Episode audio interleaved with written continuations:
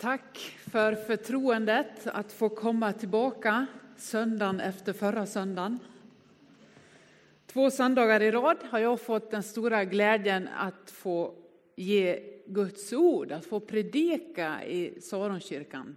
För dig som ser mig för första gången så bor jag här i Göteborg.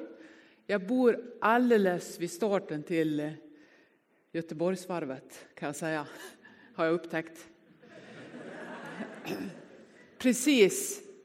Jag tänkte förra året och jag tänkte den här, det här året. Nej, nästa år får jag nog faktiskt springa, för är det någon gång det är nära till så är det nu. Alltså jag kan kliva upp ur sängen, jag kan gå på toa, klä på mig och ställa mig i startfållan. Ungefär så är det. Eller så ska jag öppna någon sorts insamling där folk kan få gå på min toa. För det skulle de behöva förstå att det finns riktiga toaletter. Jag eh, väntar i början av den här veckan på ett vårregn över Slottsskogen och över alla trädgårdar runt omkring. Även den lilla parken, min egen. Jag tycker det ska bli väldigt skönt och bra. Jag är från Västerdalarna, evangelist i Equmeniakyrkan och nu är jag här hos er idag. Förra söndagen så presenterade jag ett tema som jag ska fortsätta på idag. Vem är jag och vem vill jag vara?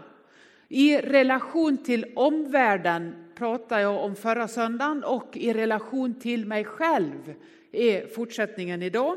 Vem är jag och vem vill jag vara i relation till mig själv? Att läsa på och mellan raderna, att försöka tolka min tro och mitt liv i den här samtiden, att våga se det som står på raderna i Guds ord och se vad står det mellan raderna för den tid du och jag lever i, var vi inne på förra söndagen. Och idag är det Jesu avskedstal som är texten som har blivit läst. Jag ber inte att du ska ta dem ut ur världen utan att du ska bevara dem för det onda. Jag läser ibland en tidning som heter Fokus. Man kan säga att den tidningen är Hänt i veckan, vad som är på gång i Sverige och internationellt. Och då menar jag inte den där tunna som finns hos många frisörer, som vi aldrig läser, som heter Hänt i veckan som du och jag aldrig läser och samtidigt hoppas vi att det tar så lång tid innan slingorna bleknar att vi hinner bläddra igenom den helt och fullt. Den menar jag inte, som heter Hänt i veckan. Nej, den känner inte ni ens till. Jag ber att få gratulera. Eh, jag menar den som heter Fokus. Den är också ganska tunn, men vinklad säkert som alla, all nyhetsrapportering är, så läser jag igenom den. Och nu skulle jag vilja göra ett eget litet fokus, alltså en liten privatspaning under den vecka som har gått var att lyfta fram ett par saker på det som har hänt sen sist. Det är ju maj månad 2014 och det är en otroligt spännande månad. Det händer massor runt omkring oss och det finns mängder som jag skulle kunna räkna upp den här söndagen. Jesu avskedstal, det slutar med hans förbön för alla oss som fortfarande lever våra liv på denna jord. Man skulle kunna säga att han ber att vi ska bevaras i honom och att vi ska stå kvar. Att vi ska stå kvar i denna värld så länge som vi ska vara här. Att inte släppa taget om den tid vi lever i. Att inte sticka huvudet i sanden, att fortsätta vara kvar. Nu läser ju jag de mellanraderna lite och, säger att, och hör att han säger, stick inte huvudet i sanden. Håll inte för öronen, säg inte bla bla bla bla bla till det som sker runt omkring utan stå mitt i världen. Men lev inte av den, utan lev av det jag ger. Blunda inte för omvärlden. Och nu ska jag inte blunda när jag idag delar några tankar omkring detta. Vem är jag och vem vill jag vara i relation till mig själv? Jag tänkte ge, egentligen är det ett enda ord som återkommer för mig i min förberedelse. Och jag ber verkligen om nåd att jag ska kunna förmedla den på ett attraktivt sätt. Jag skulle vilja lyfta ett par smärtsamma eh, och fascinerande nyheter som kommer från den vecka nu som har gått. Jag skulle kunna rada upp mycket som jag sa, men ett par som jag funderar lite extra på inför den här söndagen. Den ena det är den så kallade Nuonaffären, eller Nuonaffären, jag vet inte riktigt hur det uttalas. Där före detta näringsministern Maud Olofsson inte kommer till det här konstitutionsutskottet för att försvara eller för att berätta den sanning som vi från vårt håll tycker kunde vara ganska enkel att säga ja eller nej på. Förmodligen för att vi bara får nyheterna från ett håll. Nuonaffären, vem visste vad när vi förlorar massor av pengar i Sverige på en dålig affär av Vattenfall och där hon var ytterst ansvarig för att göra en kort resumé av detta. Så kommer hon inte till det här KU för att bli för Hör då för att säga var statsministern informerad, var han inte informerad? Sanningen verkar väldigt svår att berätta, att lyfta fram. Nej men så här är det.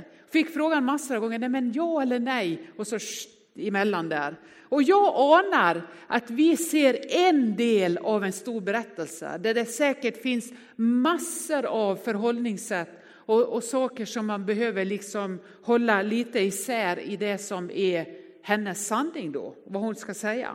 Så att det blir ingen ja eller nej, det blir ingen sanning som levereras till oss i detta. Av säkert anledningar som jag i all ödmjukhet inte heller begriper. Men så tänker jag, det ordet som jag vill lyfta, det är sanningen. Eh, men det går faktiskt också att vara sann. Jag ska ge ett annat exempel som inte är från den här veckan, men som jag då har tänkt på i relation till så mycket idag som verkar så svårt att klä i ord och säga så här är det. Jag tänker på en sprinter som heter Marilyn Jones. Kommer ni ihåg henne, ni som är idrottsintresserade? Hon vann många segrar i, vid, sek, eller vid sekelskiftet, ska jag säga, millenniumskiftet. År 2000, år 2000 hur vi säger. Hon skövlade in många medaljer och var verkligen på topp. Och så blev hon anklagad för doping, den här sprinterstjärnan. Och hon förnekade. Och hon förnekade och hon förnekade. Hon svor ed på att hon inte var dopad. Och eh, så småningom så blev hon befriad och friad från de här anklagelserna. Fast det kanske låg ett litet skav. Är det verkligen så att hon är helt fri ifrån det? Eller har hon gjort det? Men hon blir friad. Och så är det så att hon var inte sann. Och då visar sig så småningom att det inte gick, utan 2007 så kapitulerar hon inför sanningen. När hon redan var friad och hade kunnat fortsätta till det yttre så var det ingen som kunde säga du har gjort fel, utan hon hade kunnat fortsatt precis och levt kvar i den lögnen. Och så väljer hon att kapitulera inför det som var sant. Varför? Jo, för att trots att hon förlorar all ära, glans och alla sina medaljer så säger hon så här att det finns ett enkelt svar till varför hon inte längre kan leva kvar i den lögnen. Och då säger hon så här, jag vill vara ett föredöme för mina barn.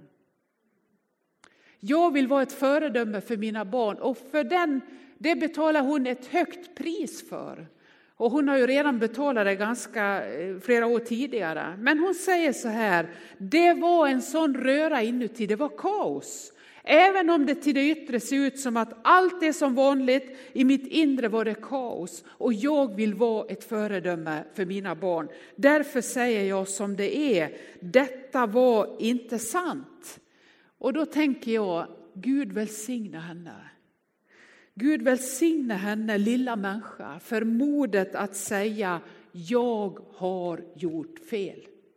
Jag har gjort fel. Detta var inte sant.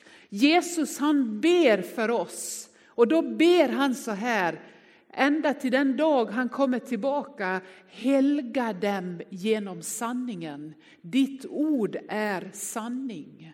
Sanningen är väldigt viktig. Att växa i tro, att mogna som en Jesu lärjunge, det handlar om att leva i sanningen även om jag mister allt, för jag vinner någonting större. Att vara en kristen människa, vara överlåten åt Jesus Kristus, det är att ha ett längre perspektiv för sitt liv. Det är att ha ett evighetsperspektiv. Det handlar inte om att jag just nu ska rädda mitt skinn, utan det handlar om jag vill vara ett föredöme för mina medmänniskor. Det betyder inte att jag är perfekt. Det betyder inte att jag gör fel, inte gör fel, men det betyder att jag är transparent för några. Alltså att jag har några där jag är genomskinlig, där jag kan säga som det är och där jag vågar stå för det som blev både bra och det som faktiskt just nu inte är så bra. Jag gjorde fel och det blev kaos. Jag vill vara ett föredöme för mina barn, sa hon. Jag vill också vara ett föredöme. Jag vinner på det friheten i Jesus Kristus. För Jesus han säger sanningen ska göra er fria. Och den friheten, människor som ger de här vittnesbörden så som hon gjorde, jag skulle kunna räkna upp fler som man har exempel på. Frukten av den berättelsen är så gott som alltid detta, jag är fri. Äntligen är jag fri. Allting har gått åt skogen, jag har ingenting kvar, men jag är fri. Vad betyder det? Det betyder att man sätter sina fötter där kanske det är så lite utrymme så det bara precis är så att mina 41 går ner där. Och så kan jag där stå och säga, jag står på säker mark för jag står på det jag vet är sant. Och därför är jag fri. Och då kan man få börja därifrån, livet vidare. Magnus Malm han har sagt så här vid ett tillfälle, lögnen skiljer oss från Gud, hur andlig lögnen än ser ut att vara. Sanningen drar oss alltid nära Gud, hur oandlig sanningen än kan se ut att vara. Lögnen skiljer oss alltid från Gud, hur andlig lögnen än ser ut att vara. Sanningen drar oss alltid nära Gud, hur oandlig sanningen än ser ut att vara. Alltså sanningen gör oss fria och då skulle jag vilja få lyfta in, för det är väldigt viktigt. Nåd och sanning går alltid tillsammans. Jesus är fylld av nåd och sanning, säger Johannes. Jesus är nåd och sanning. Att leverera en sanning som man ser, så här är det, utan nåd, det är förfärligt. Det ska man aldrig göra. Men att komma med barmhärtigheten, med nåden, då kan man också leverera sanningen. De hör alltid ihop. Det finns ingen sanning där inte nåden finns. Och det finns ingen nåd där inte sanningen, för att nåden kan man aldrig få tag i om man inte är sann. Det är först när man är sann emot sitt liv som nåden blir stor. Så att nåd och sanning hör alltid ihop, annars är den livsfarlig. Den sanning som bara blir moralistisk, där man petar på någon annans liv. Men komma med barmhärtighet, med nåd och sanning samtidigt, då är det Jesu ärende. Det andra exemplet som jag skulle vilja lyfta fram på, från den här veckan, som har med min riktning för mitt lärjungaskap att göra, som handlar om vem är jag och vem skulle jag vilja vara? Om det första är att våga hitta ett sammanhang där jag är sann, där jag säger som det är med de här exemplen. Då är det andra på temat vem är jag och vem skulle jag vilja vara i relation till mig själv. En smärtsam händelse från början av den här veckan. Det handlar om en man som heter Malik Benjol. En fantastisk regissör som själv valde att ta sitt liv i början av veckan. 36 år gammal. En svensk regissör som har gjort det största man kan få göra i filmbranschen. Han har vunnit en Oscar för bara ett, något år sedan. Han gjorde en dokumentär om en man som hette Searching for Sugarman. Har du inte sett den dokumentären, då har du någonting väldigt bra kvar att se.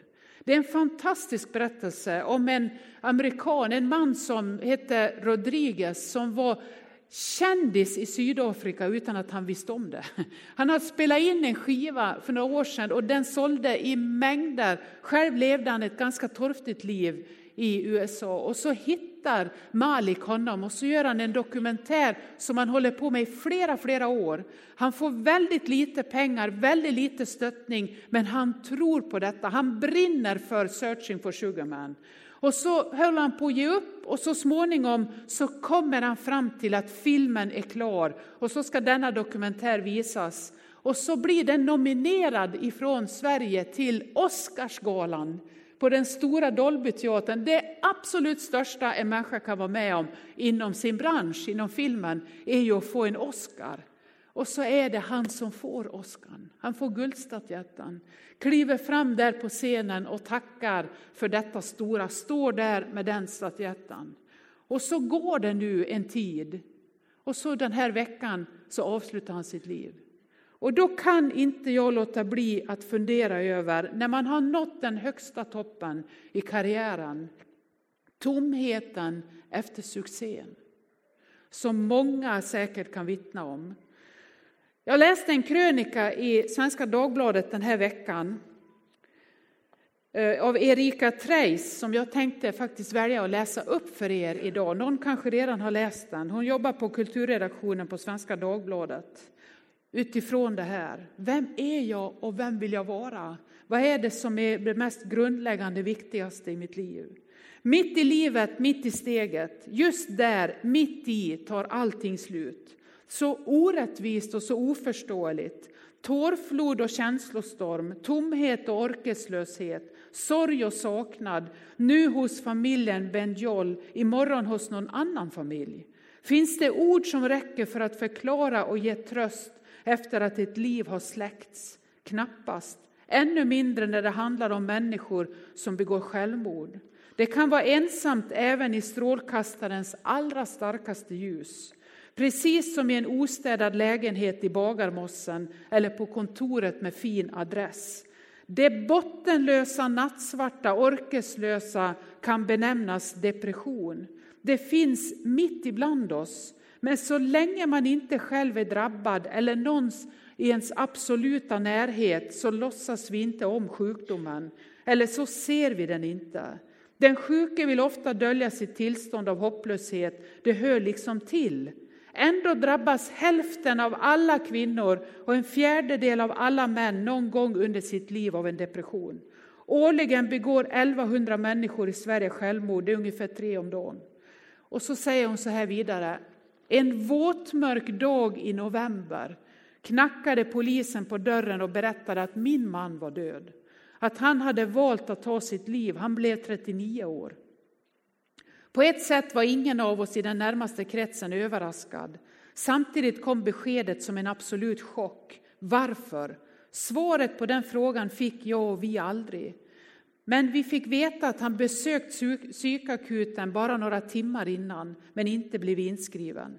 Deras bedömning var att han inte var suicid. Vetskapen om att han stod där ensam i regnet, utan riktning och bevisligen utan hopp skär fortfarande efter alla år som en kniv i själen, i samvetet. Vad kunde jag ha gjort annorlunda? Var detta mitt fel? Med tiden lär man sig leva med sorg.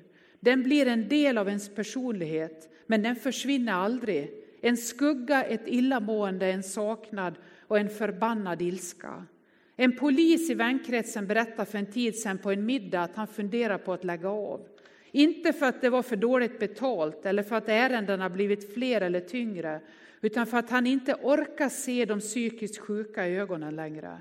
Både han och de sjuka visste att den hjälp som krävdes inte skulle erbjudas den här kvällen heller. Att psykiatrin inte skulle kunna ta emot eller hjälpa till. Knappast av ovilja, mer av resursbrist eller systemfel. Men faktum kvarstod. Min vän skulle tvingas att ännu en gång släppa av en vilsen ensam själ utan självförtroende utanför psykakutens stängda dörr. Det är omänskligt, sa polisen. Och så avslutar de krönikan med det här. Hans ord ringer fortfarande i öronen, precis som dörrknackningen en gång. Det gör att jag nu säger till er som lever i mörkret, gör det inte. Du har ett värde, det finns ljus. Mitt i livet, mitt i steget, alla är vi kantstötta. Vi kan inte förlora fler. Låt en fungerande psykvård bli en valfråga, säger hon då. Vad hjälper det en människa om hon vinner hela världen men förlorar sin själ? Var finns hjälpen när vi inte orkar längre, när vi upplever tomhet trots rätt så lyckade liv? Jag pratade med en sjukhuspastor en gång som sa så här till mig. Det borde på varje akut finnas ett rum med vadderade väggar. Där man kan gå rätt in och bara vråla, slå, skrika och gråta ut. Och det var liksom, tog inte emot någonstans. Bara kasta sig ut i sin största förtvivlan. Och jag har tänkt mycket på det. Finns kanske de rummen hos oss? Finns det rummet i mitt liv? Kan jag härbärgera en annan människas nöd? Och kan jag också någon gång veta att någon annan härbärgerar min? Finns det i det här rummet sådana värderade väggar som heter nåd, barmhärtighet och sanning som gör att riktningen för våra förtvivlade liv är rätt in i den gudstjänstfirande församlingen och rätt in i bönegruppen, husgruppens gemenskap. Är det där jag kan bli transparent, ha en riktning för det som är att leva i världen idag, men inte av den. Jag lever av någonting större. Jag lever med han som är nåd och sanning för allt det som mitt och ditt liv rymmer. När min riktning och min längtan är att få leva i ett sådant sammanhang där jag vet att nåd och sanning blir konkret så finns det en chans att mogna som människa, att fördjupas i sitt lärjungaskap. Oavsett om jag säger det som är politiskt korrekt eller om det ser bra eller dåligt ut, det som just nu är mitt liv.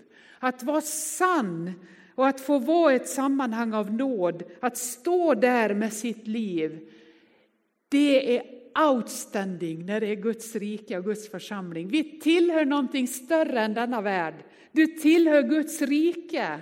Du tillhör någonting som ska bestå i evighet.